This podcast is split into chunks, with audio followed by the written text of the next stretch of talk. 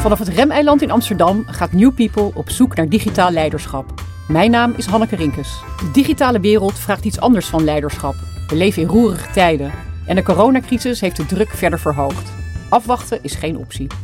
Waarin verschilt digitaal leiderschap van leiderschap zoals we dat kennen? Waarom een andere naam hiervoor? In ieder geval niet omdat alles nu digitaal gaat, want dan zou iedere leider een digitale leider zijn. In de reis van New People, op zoek naar digitaal leiderschap, spreek ik vandaag met Jeremiah Albinus. Jeremiah Albinus is CEO van woonwebwinkel Vonk. Begonnen als stagiair klimt Jeremiah binnen 14 jaar op tot CEO. Een zakelijk sprookje noemt de Telegraaf het treffend. Zeker omdat het bedrijf onder zijn leiding voor het eerst in zeven jaar weer winstgevend is.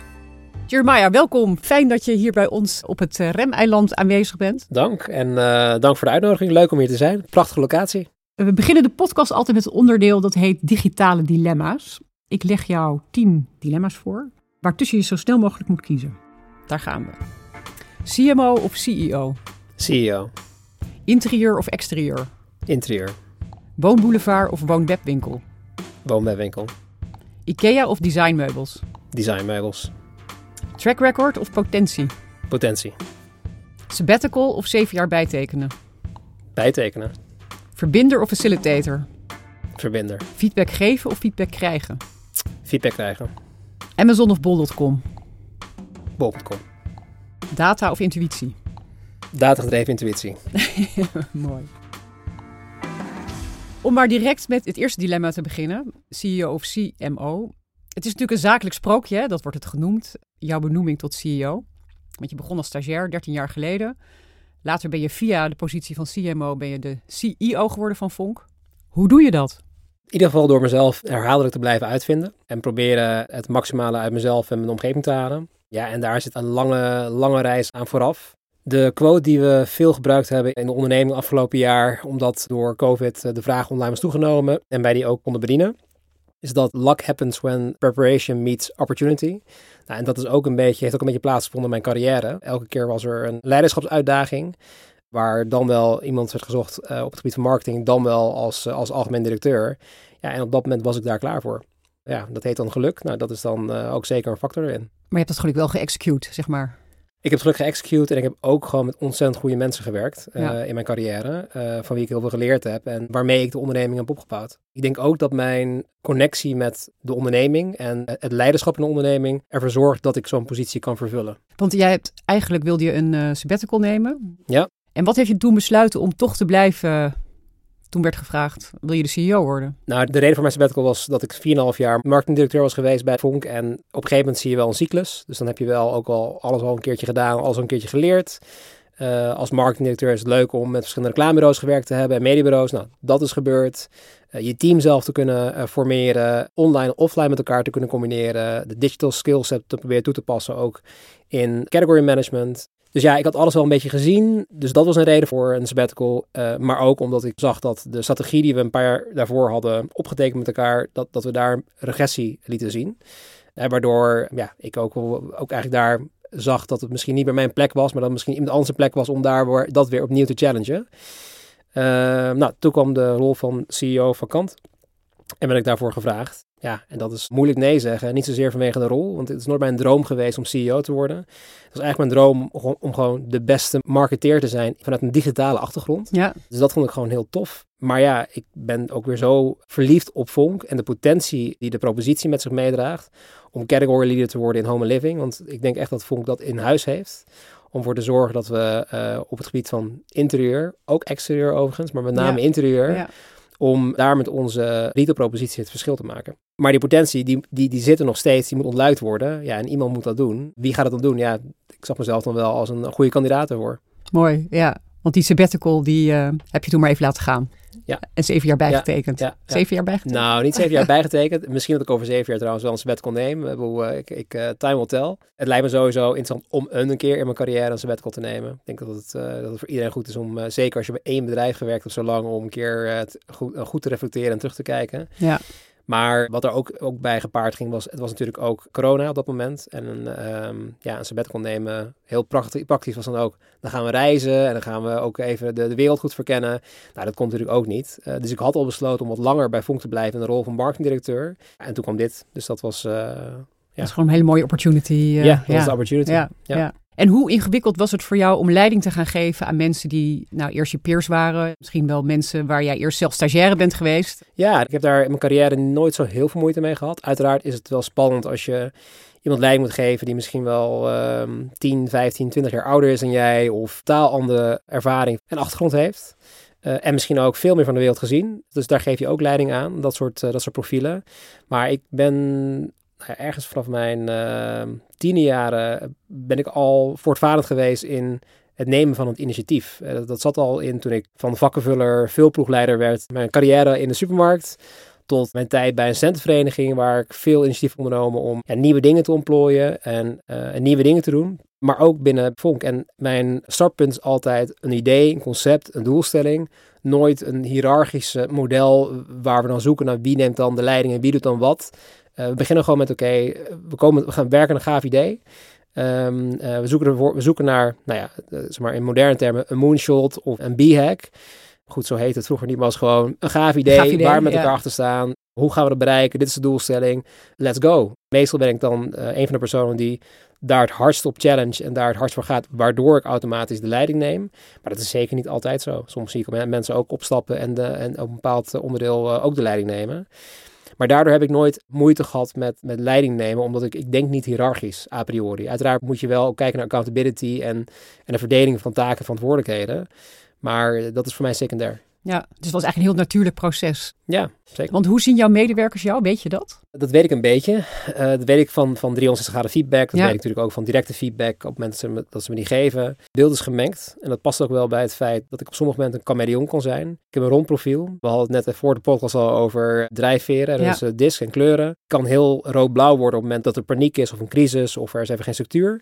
Dus dan neem ik heel zijn leiding met oké, okay, er moet structuur komen en er moet duidelijk keuze worden gemaakt. Maar als dat niet nodig is, dan ben ik juist rond en dan probeer ik juist wat meer te faciliteren en te zoeken naar de verbinding. Daarin uh, zie ik mezelf niet als politiek, juist omdat ik vanuit een idee uh, manage. Maar ik heb wel eens gekregen van uh, mijn collega's dat ik dat wel kan zijn wanneer het nodig is. Met name zeg maar, om dingen voor elkaar te krijgen. En eigenlijk het, het pad open te breken, zodat ja. ze ook aan de gang kunnen. Ja, en verder verbindend krijg ik wel terug, maar ook dat ik af en toe een sphinx kan zijn in termen van dat mensen me niet kunnen lezen. Wat ik dan weer verbazingwekkend vind, omdat ik altijd idee dat ik juist heel direct en open en transparant ben. Maar wat ik me wel kan voorstellen, ik probeer goed te luisteren en te observeren, zeker als ik mensen niet goed ken. Dus daar zit dat wellicht wel terug. Dus je ja. doet ook iets met die feedback die je krijgt? Zeker. Nee, dat, de learning mindset, dat, dat, dat heeft een bedrijf, een skillbedrijf als Vonk nodig. Dat vind ik ook dat het leiderschap nodig heeft. Ik heb een persoonlijke coach, die daagt mij daar ook op uit. Dus alles, alle feedback die ik dan weer meeneem van mijn directe omgeving, leg ik ook weer meneer met mijn coach. En dan zegt, nou hier moet je wat mee doen en hier misschien wat minder mee. Dus ja, ik, ik leer er alleen maar van. Ik word alleen maar een mooie mens van. Dat is ook de reden waarom ik feedback geef naar mijn omgeving. Ik denk dat ze er ook beter van worden. Want je zei net, hè, toen we het hadden over verbinder of facilitator, zei jij verbinder. Ja. Nou, je hebt eigenlijk net al een beetje gezegd, maar hoe zou jij jouw leiderschapstijl omschrijven? Ja, ik denk heel betrokken. Ik denk dat ik ook vrij hands-on kan zijn. Mijn valkuil kan ook zijn dat ik af en toe hands-on kan zijn. Ik denk mede mee te maken dat ik het bedrijf mee heb opgebouwd. Dus ik ken het van binnen en van buiten. Ondanks dat er nog steeds bepaalde teams zijn die me elke dag nieuwe dingen laten zien, ken ik wel de basisprincipes en basisprocessen van een e-commerce bedrijf, wat end-to-end retail doet. Ja, dus ik kan wel hands-on gedetailleerd zijn, maar tegelijkertijd krijg ik ook terug dat ik veel vertrouwen kan geven, veel vrijheid. Het hangt denk ik ook een beetje af van de situatie. Het hangt ook een beetje af van de maturity van een team of de maturity van een manager. Tot waar ik afdaal, tot waar ik iemand belast. Kan wel demanding zijn als leider. Ik ben wel heel erg output gedreven. Dus ik verwacht ook wel dat we met elkaar werken aan bepaalde doelstellingen. Maar als iemand laat zien dat hij er echt voor gaat, dan vind ik het helemaal niet erg als er fout worden gemaakt. Ik vind het ook helemaal niet erg als af en targets niet worden gehaald. Maar de, de, de driver, de intentie moet er wel zijn. En, en hoe heeft jouw nieuwe rol, jouw leiderschapstijl veranderd? Heeft dat iets veranderd? Ja, ja, zeker. Omdat ik nog meer in de breedte verantwoordelijk ben, moet ik meer afstand nemen. Dat dwingt me ook tot nog scherper nadenken aan welke knop ik moet draaien. Of welke mensen ik nodig heb om dingen in verandering te krijgen. En vond je dat lastig? Ik vind het lastig. Het zit niet per se niet in mijn natuur. Ook omdat ik zei, ik heb een rond profiel, dus ik, ik kan zeg maar heel generalistisch leiding geven. En ik word wat meer gedetailleerd op het moment dat ik zie dat het, uh, dat het beter kan. En ik denk dat de groeifases waar Vonken heeft gezeten, dat ook van mij gevraagd hebben om af en toe gewoon echt stevig op te treden als leider. Ik denk dat duidelijkheid nog steeds belangrijk is, maar ik geloof wel in de Socratische wijze van, van leiding geven. Dus veel vragen stellen, luisteren, ruimte geven en verbinden tussen verschillende disciplines. Want die wijsheid zit dan in het midden. Ja, het is natuurlijk heel bijzonder dat iemand die is begonnen als stagiair nu deze positie heeft. En dat klinkt heel, het, dat uh, jongensdroom en weet ik veel, een mooi sprookje. Maar het is wel bijzonder, omdat je bent in staat geweest om je inderdaad elke keer opnieuw uit te vinden. En gewoon weer ja, met die volgende fase weer verder te kunnen. En dat zie je niet veel. Voor mij is het minder bijzonder. Want ja, voor mij, ik, ik zit gewoon in de achtbaan. Ja, dus, ja. En mensen gaat gewoon mee. Ja, ik ga gewoon mee. En mensen zeggen dan van buiten, oh kijk, uh, bijzonder dat je in de achtbaan blijft zitten. Ik zit er gewoon in. Ik ben van nature, ja, dat is ook een beetje marketeer eigen. Ik vind verandering ook leuk. I have to change. You thrive on variation uh, ja, bijna. Ja, ja, dus ik challenge de dynamiek. Plus, ik ben ook volhardend. Dus als ik zie dat er iets in zit en het komt er niet uit, dan ga ik net zo lang schudden tot er wel uitkomt. En dat, dat is met Vonk zo. Ja. Dus als ik zie dat er zit nog hartstikke veel in, dat moet eruit, ja, dan, dan geef ik ook niet zomaar op. Ondanks de weerstand die er wellicht zou Ondanks de weerstand, ja. Ik ben ook dus weerstandgevoelig, om zo maar te zeggen. Dus, dus dat is dan ook iets wat, wat het meespeelt. Maar wat ook maar meespeelt. je weerstandgevoelig? Resilient. Dus ik kan, Ah, gewoon veel, ik kan gewoon veel aan. Zo bedoel je, ja. ja. Dus eh, als ik een zware dag heb gehad, ga ik slapen. En dag daarna ben ik gewoon weer, ben ik er gewoon weer. En dan ben je het ook kwijt, zeg maar. Dan... Dan ben ik voor een deel kwijt. Ja, ja. Dus er blijft al iets van residu achter. Maar de, voor het grote deel kan ik het gewoon weer handelen. Ja. Ik kan dingen relatief makkelijk van me af laten glijden. En wat denk ik ook nog wel speelt, en ook niet heel onbelangrijk, je moet wel de kans krijgen. Daarom noem ik het ook geluk. Het is, je hebt ook een beetje geluk nodig. Je moet, mensen moeten het ook in je zien en ook het risico durven nemen. Want het moment dat ik op een positie ben gezet als manager, als directeur, als algemeen directeur, iemand neemt een risico. En die moet dan wel denken, ja, ik durf met hem aan. Maar dan moet je het nog bewijzen. En als je kijkt naar leiderschap, heb jij helden of inspiratiebronnen? Je zei net al, ik heb een coach. Maar zijn er ook mensen waarvan je denkt van, nou wauw, weet je, als ik ooit zo ben als leider, dan uh, dat zou ik wel heel graag willen. Ik kan je een lijst geven van Ja. heel veel, Ja. eh, veel namen. The usual eh, suspects, eh, maybe. In het echt, maar ook fictieve namen. Ja. In termen van inspiratiemodellen uit films, boeken, series. Dus ook vanuit die dimensie. Ja, er, is geen één lijst. Ik kan beginnen met vanuit mijn jeugd. Mijn ouders uiteraard, dat waren ondernemers. In het communicatievak, ze hadden samen een uitgeverij. Dus daar heb ik veel van geleerd. Ik kom sowieso uit een best wel ondernemende familie. Zelf nooit gezien als ondernemer, want ik vond juist marketing als specialisme te interessant om me te veel in de breedte te verdiepen. Maar goed, daar heb ik ook antwoord op gegeven. Daar heb ik ook afscheid van Ja, genomen. precies, ja. Niet dat ik niet meer interesse heb in marketing, maar ik, ik ga nog meer de breedte in, in termen van aansturen van de onderneming. In mijn jeugd vond ik ook eh, Michael Jordan interessant. Er is een documentaire uitgekomen afgelopen jaar, The Last Dance, wat heel erg ging over zijn basketbalcarrière. Maar zijn wil om te winnen, fascinerend. Zijn talent op het veld, maar ook hoe die mensen het meenemen vanuit leiderschap op het veld. Ja, dat, eh, ik ben 1,77, dus ik ben eigenlijk geen, geen basketballer, maar daardoor ben ik wel gaan basketballen. Ja. Omdat ik het in mijn jonge jaren al interessant vond. Maar wat ik eigenlijk wil zeggen, als je het dan bij elkaar optelt, inspiratie komt echt overal vandaan. Diep in mijn hart zit nog wel steeds een, iemand die de tijdsgeest wil begrijpen, die de consumentengedrag wil begrijpen. Dat is toch echt de kern van een, goed marketeer mijn, in mijn ogen. Iemand die gewoon goed zijn omgeving absorbeert. En dan haal ik inspiratie ook uit boeken en films, dus verhalen eigenlijk. Dat kan biografie over Phil Knight zijn, oprichter van Nike, Shoe Dog, die ik recent heb gelezen. Uiteraard ook de verhalen rondom het ontstaan van Apple, vanuit Steve Jobs. Een van mijn favoriete schrijvers, Ayn Rand, die de Fountainhead geschreven heeft. En Atlas Shrugged, uh, de, de personages die daarin voortkomen. Ja, fantastisch. En ook, niet heel onbelangrijk, als ik een gesprek voer met mijn collega's, maar ook bijvoorbeeld met jou nu hier, Ja. ik leer daar ook weer dingen van. En dat betekent niet dat je elke dag van mening hoeft te veranderen, want dat is niet het proces. Je slijpt continu je geest. Ja, dat is iets wat ik ook probeer over te brengen naar mijn managementteam. Dat ze gewoon van elkaar blijven leren en Ja. ook van de buitenwereld. Mooi. Even iets anders. Als je dan kijkt naar, je hebt het net al gezegd, je zit 13 jaar bij het bedrijf. Lifetime employment is eigenlijk niet meer van deze tijd. Nee. Maar jij bent het voorbeeld dat dat kan binnen een techbedrijf. Hoe zorg jij dat je het outside-in perspectief blijft waarborgen? Hele simpele dingen. Ervoor zorgen dat je de vakmedia blijft lezen. Persoonlijk lees ik elke dag gewoon mijn Feedly. Dus, dus de alle, alle blogs in van e-commerce, Twinkel, maar ook vanuit eh, TechCrunch en Mashable en nou ja, NextWeb. Dus breed kijken naar wat verandert er in de wereld. En dat, dat vraagt wel even wat energie, want Ja. dat, dat kost je wel even een half uur, uur om dat elke dag te doen. Maar daar krijg je ook wel veel kennis voor terug. Is ook iets wat ik overigens mijn directe omgeving altijd uitvraag. Hè. Blijf je wel op de hoogte houden. Los van daarvan ook gewoon contact houden met je netwerk en events. Als iemand vastloopt waarvan ik ook direct niet het antwoord heb, dan vraag ik altijd van, heb je al met een paar peers in de markt gesproken? Zoek nou eens gewoon jouw evenknie op bij een ander bedrijf. Vragen ze hoe hij of zij dat aanpakt. Vaak staan mensen echt wel open voor een kop koffie en daarin kennis te delen. Ja, en omdat Vonk steeds meer in een ecosysteem komt binnen zowel technologie als interieur. Want we hebben 700 leveranciers. Dus daar halen we veel informatie vandaan, omdat we daar contact mee hebben. Maar ook in technologie best wel veel toeleveranciers waarmee we onze marketing doen, waarmee we onze inkoop doen, waarmee we onze ERP en frontend processen allemaal inrichten. Ja, daar, daar krijg je ook weer heel veel van terug. En ook weer als je naar die events gaat, kom je vaak weer andere e-commerce directeuren tegen of andere inkoopdirecteuren. Ja, dus ja, op die manier. Als het open blijft staan. ja. Ja. ja en, en, en jullie klanten, want hè, we hadden net eventjes voor deze podcast over de customer journey. ja. Hoe blijf je met hen in contact? Nou, de, ja, ook heel breed. Dat begint natuurlijk een klantenservice die de, de informatie destilleert van de informatie die zij verzamelen. Dat heeft te maken met data analytics. Dus heel erg data even kijken, kijken naar hoe, wat is het gedrag binnen het platform. Wat koopt men, wat koopt men niet. Uh, welke productcategorieën worden wel goed bekeken, welke niet en waarom niet. En we hebben een customer experience team uh, die zich echt specialiseert op de klantreis.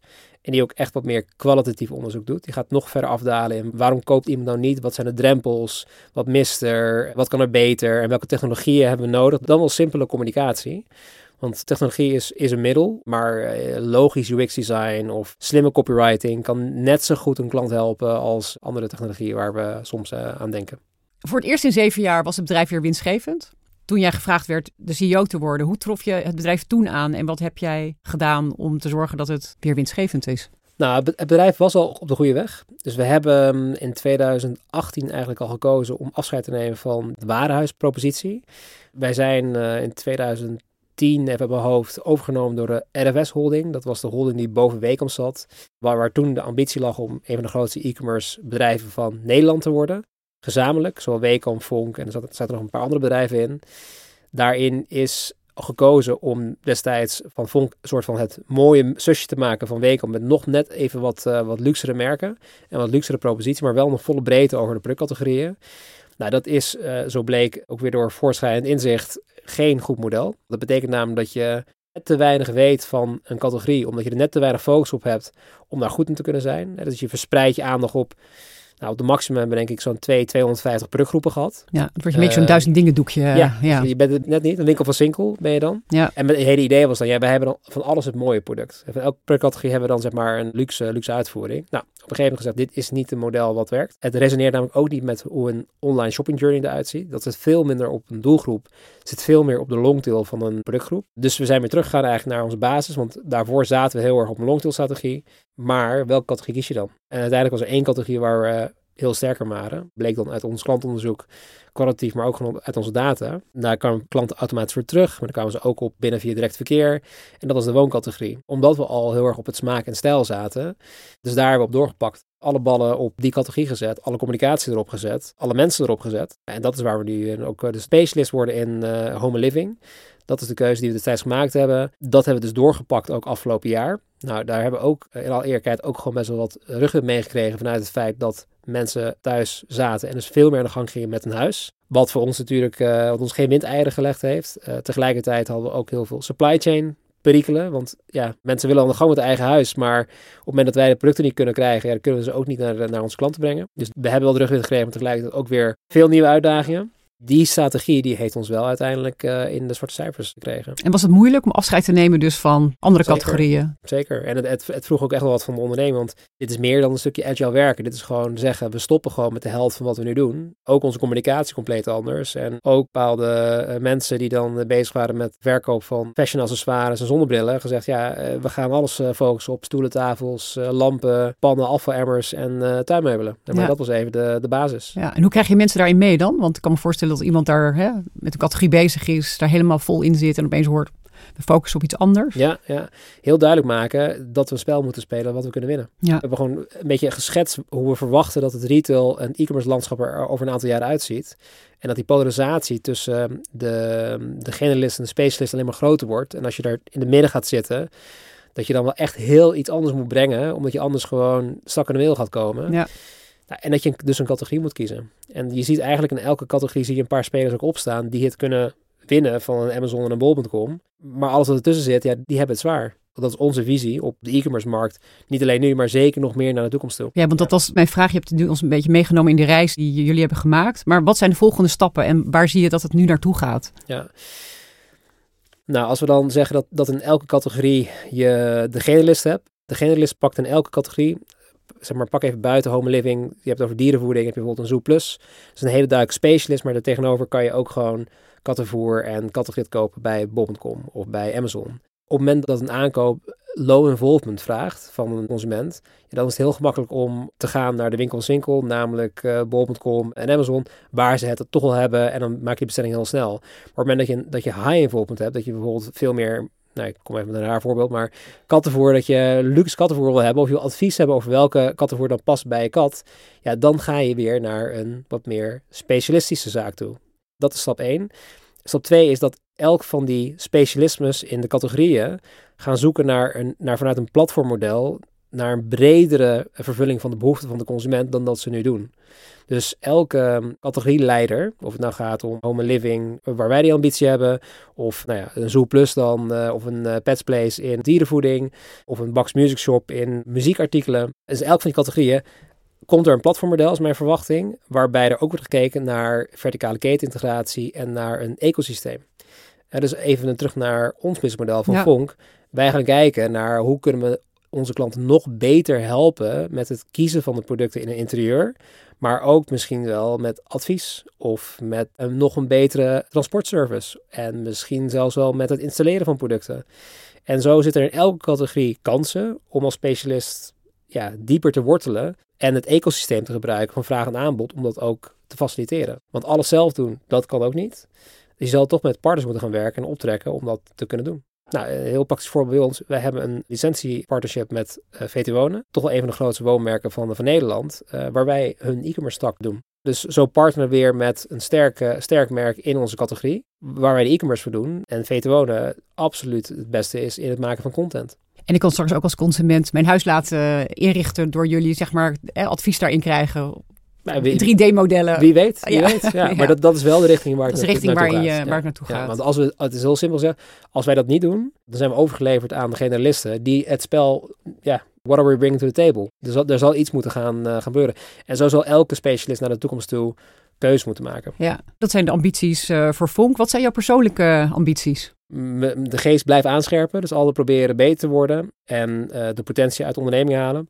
Dus wat ik nu een beetje schets, hè, dat wereldbeeld van uh, waar het naartoe gaat en, en, welke positie van Vonk te kunnen zijn, nou, dat moet wel gerealiseerd worden. Ja. Ik hoor wel eens aan de wandelgangen, ja, uh, Bol.com is eigenlijk gewoon een kloon van Amazon. Ze doen alles na wat Amazon deed, alleen dan uh, drie jaar, vier jaar later.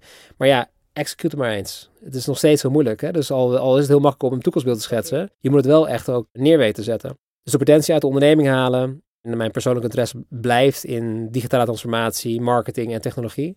En dat kan ik heel goed kwijt bij Vonken de komende jaren. En misschien ooit ergens anders, maar... Uh, voorlopig nog zeven jaar. ja, ja zeker. En met een mooi MT en een mooie onderneming. Met goede collega's die met mij dit gaan realiseren.